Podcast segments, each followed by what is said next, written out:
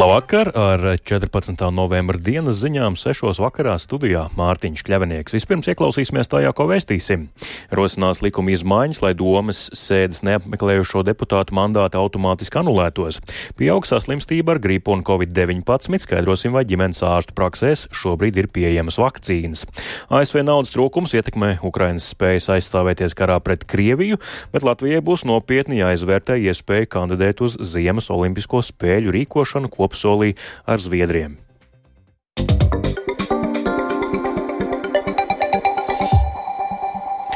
Vai pašvaldības deputātam būtu jāatbild ar savu vietu par domes sēdes vairāk kārtēju neataisnot kavēšanu? Par vietvarām atbildīgā ministra Inga Bērziņa no jaunās vienotības uzskata, ka jā.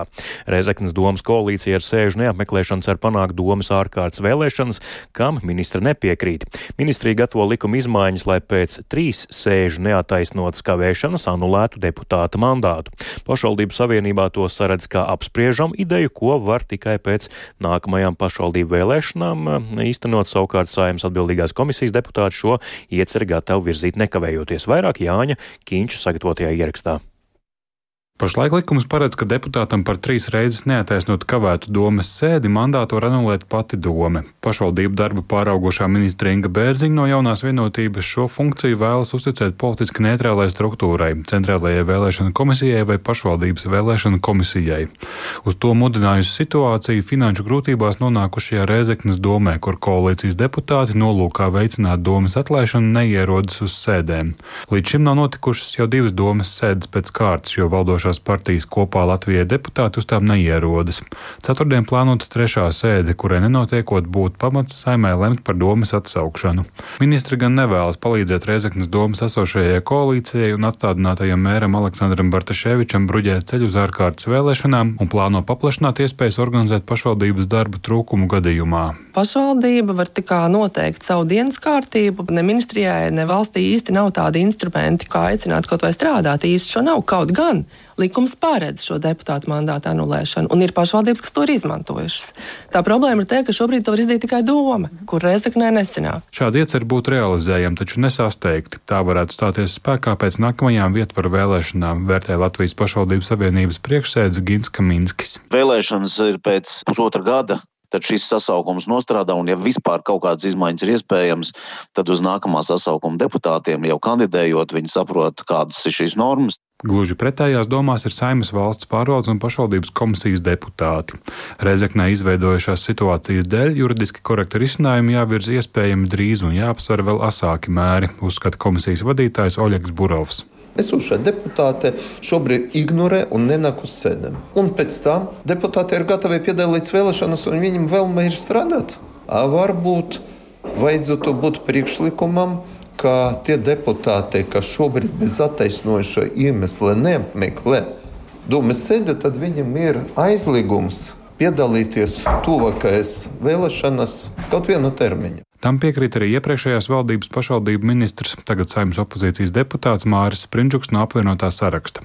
Viņa prāt valstī, ņemot vērā Rēzeknas pašvaldības budžeta kritisko situāciju, jārīkojas raitāk valsts pusē būtu jākoordinē rīcība tā, lai ātrāk Reizeknas pašvaldībā iestātos stabilitāte, lai iestātos finanšu uzraudzības eh, situācija, kurā finanšu ministrija ieliek savu pārstāvu, un tad, manuprāt, viņi sāk rāpties ārpus bedres.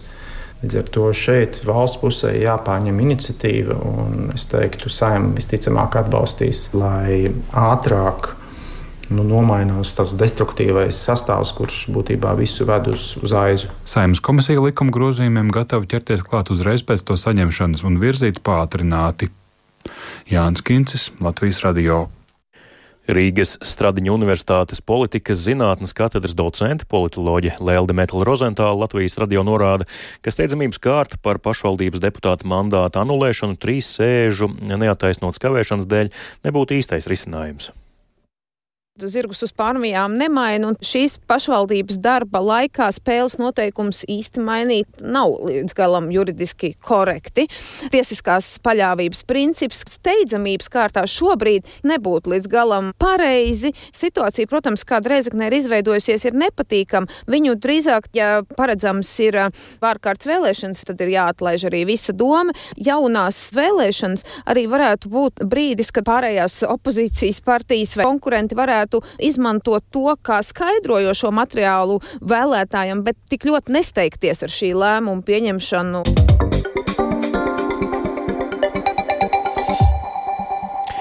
ASV kongresam steidzīgi jāapstiprina Baltā nama finansējuma pieprasījums Ukrainas militārajam atbalstam, lai novērstu nopietnas sekas tās aizsardzībai. Tā šodien paziņoja ASV prezidenta padomnieks nacionālās drošības jautājumos Džeiks Salivans. Saskaņā ar Salivana teikto ASV finansējuma trūkums jau ir ietekmējis Ukrainas spējas aizstāvēties pret Krievijas īstenoto agresijas karu.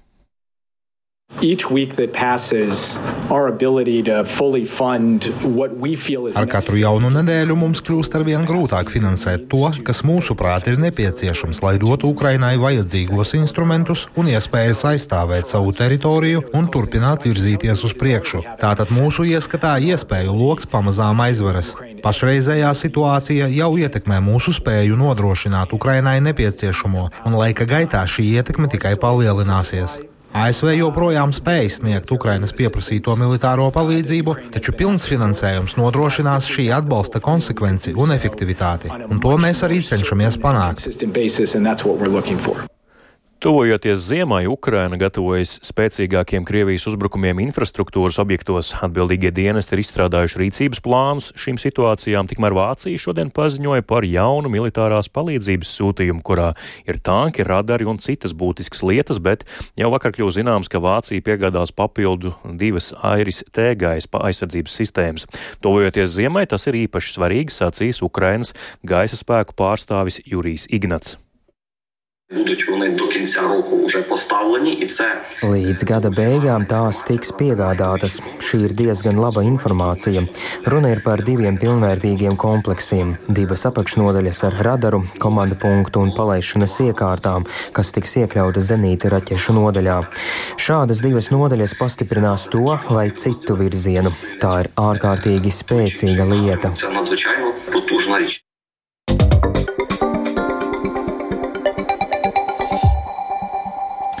Un atgriežamies pašmājās, lai arī Covid vairs nerada tik plašu un globālu apdraudējumu, kādu piedzīvojām pirms pāris gadiem, tomēr visticamāk ar to mums būs jāsadzīvo arī turpmāk, līdzīgi kā ar gripu, tā vērtē eksperti.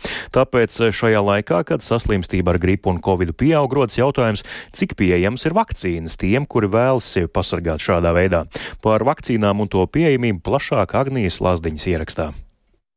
Šobrīd apkārt cirkulējot visi iespējamie augšējo elpceļu vīrusi, ne tikai covid un gripa. Tā norāda Latvijas ģimenes ārstu asociācijas valdes locekle Aija Graudiņa. Covid pieņemoties spēkā un ar katru dienu ģimenes ārsti konstatē arvien vairāk saslimušo, turklāt vīrusa straujāka izplatība sākusies tieši novembra sākumā. Bet Covid vakcinācija tie, kas mums ļoti vēlējās, ir dabūjuši savas potes, bet salīdzinot ar iepriekšējiem gadiem, ir ļoti zema atsaucība. Lai arī mēs uzrunājam, piedāvājam, lielākoties par sevi uztraucās tomēr seniori, tādi 75, plus, kas arī saņēmuši.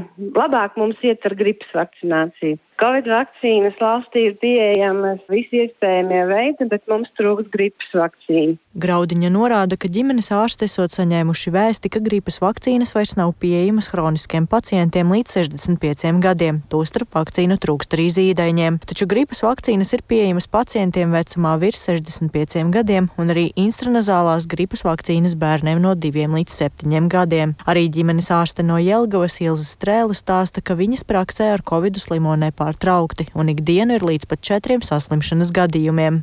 Pret gripu vakcinēties atsaucība ir mērena. Nav tāda, kā bija citus gadus, bet jā, cilvēki nāk un ja cilvēkiem vēl piedāvā, tad viņi to vēlās darīt. Bet ir atkal problēmas ar vakcīnām, protams, bet arī atsaucība nav tik liela, kā bija pirms tam. Bet uh, pret covid vakcinēties cilvēki vēlās ļoti maz. Atsaucība vakcinācijai pret gripu šogad varētu būt labāka, it īpaši no riska grupām. Tā atzīst Latvijas lauku ģimenes ārstu asociācijas viceprezidents Ainis Dzelps. Tāpat viņš stāsta, ka neņemot vērā saslimstības Covid pieaugumu, arī interese par šo slimību sabiedrībā ir krietni samazinājusies. Šobrīd vakcīnas ir pieejamas ģimenes ārstu praksēs. Ir varbūt atsevišķas vakcīnas, kuras jau sāk trūkt. To izlietojums tātad ir gana labs, bet joprojām šis pakalpojums ir vēl pieejams. Ja, bet tiešām tie krājumi ģimenes ārstu praksēs atsevišķās jau sāk samazināties. Un es domāju, nu vēl novembra mēnesī mums būs ko piedāvāt, bet pēc tam tiešām varētu būt grūtības. Kā skaidro slimību profilakses un kontrolas centra pārstāvja Ilze Arāja, līdz pagājušajai nedēļai ir veikts nepilns 71 tūkstotis gripas vakcināciju un 13,5 tūkstoši vakcināciju pret covid-19. Vakcinācijas pret covid ir pieejamas dažādas, un tās ārsti var brīvi pasūtīt pēc izvēles. Savukārt gripas vakcīnu skaitam regulāri tiek sekots līdzi. Monitorējot situāciju, mēs redzam, ka desmit un vairāk devas ir vairāk kā 700 iestādēs. Tas ir vairāk kā puse iestāžu skaits, kas veic vakcinācijas, bet jāsaka, ir atsevišķas prakses arī, kur ir minimālāks devu skaits. Kopumā pieejami ir vairāk nekā 25 tūkstoši gripas vakcīnu devu. Agnija Lazdiņa, Latvijas radio. Sadzīves atkrituma apjoms Latvijā pieaug straujāk nekā vidēji Eiropas Savienībā. Pagājušajā gadā viens Rīgas un Pierīgas iedzīvotājs radīja vidēji 280 kg nešķirotus sadzīves atkritumus, kas nonāca Gētliņu atkrituma poligonā. Eiropas Savienības valstīs vidējais rādītājs ir 400 līdz 500 kg uz vienu iedzīvotāju.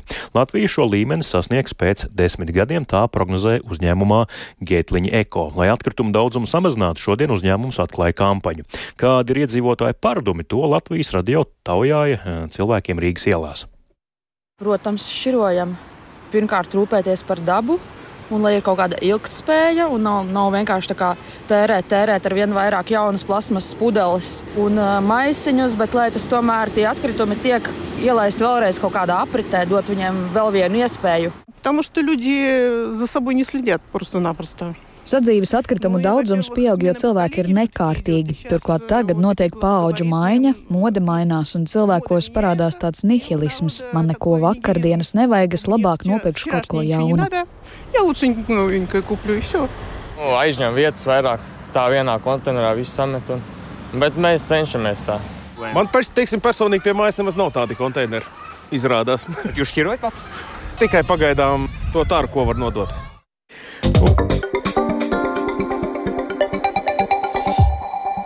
Un vēl arī par sportu. Zviedrijas valdība atbalstījusi kandidēšanu 2030. gada Ziemas Olimpisko spēļu rīkošanai. Tā pavēstīja Zviedrijas Olimpiskā komiteja Latvija kā partneri izvēlēta ar nolūku izmantot Siguldas ledus trasi, kamaniņu sporta, bobsleju un skeletonu sacensībām. Iepriekš izskanējušie 58 miljoni eiro trases rekonstrukcijai vēl joprojām ir aktuāli, bet meklēti ir arī citi lētāki varianti. Latvijai kandidējot ar Zviedriju Olimpisko spēļu rīkošanai būtu jāveic arī nopietni nopietns izvērtējums. To Latvijas radio atzina Izglītības un zinātnes ministrijas sporta departamenta vadītājs Vladimirs Steinbergs. To vienpersoniski nevar izlemt ne, ne Izglītības zinātnes ministrija, ne, ne Olimpiskā komiteja. Tas ir tāds kopīgs valsts valdības lēmums, kur gan ekonomikas ministrija droši vien jāpiedalās uh, attiecībā uz uh, ekonomisko izvērtējumu no, vai, vai to pienesumu no spēļu sarīkošanas, gan, protams, arī finanšu ministrijai un pārējām valstiskām institūcijām, lai, lai izvērtētu, vai mēs gatavi, vai mēs varam atļauties. Nu, protams, arī apakšā jābūt aprēķiniem, ko pašlaik gan uh, Nacionālais sporta centrs gatavo attiecībā uz vairākiem variantiem ja mēs runājam par bobslēju trases rekonstrukciju, vai atjaunošanu, vai pielāgošanu, protams, kad arī es lūdzu personīgi Nacionālā sporta centra vadītāju vismaz trīs variantus sagatavot no, no paša lētākā līdz pilnai rekonstrukcijai.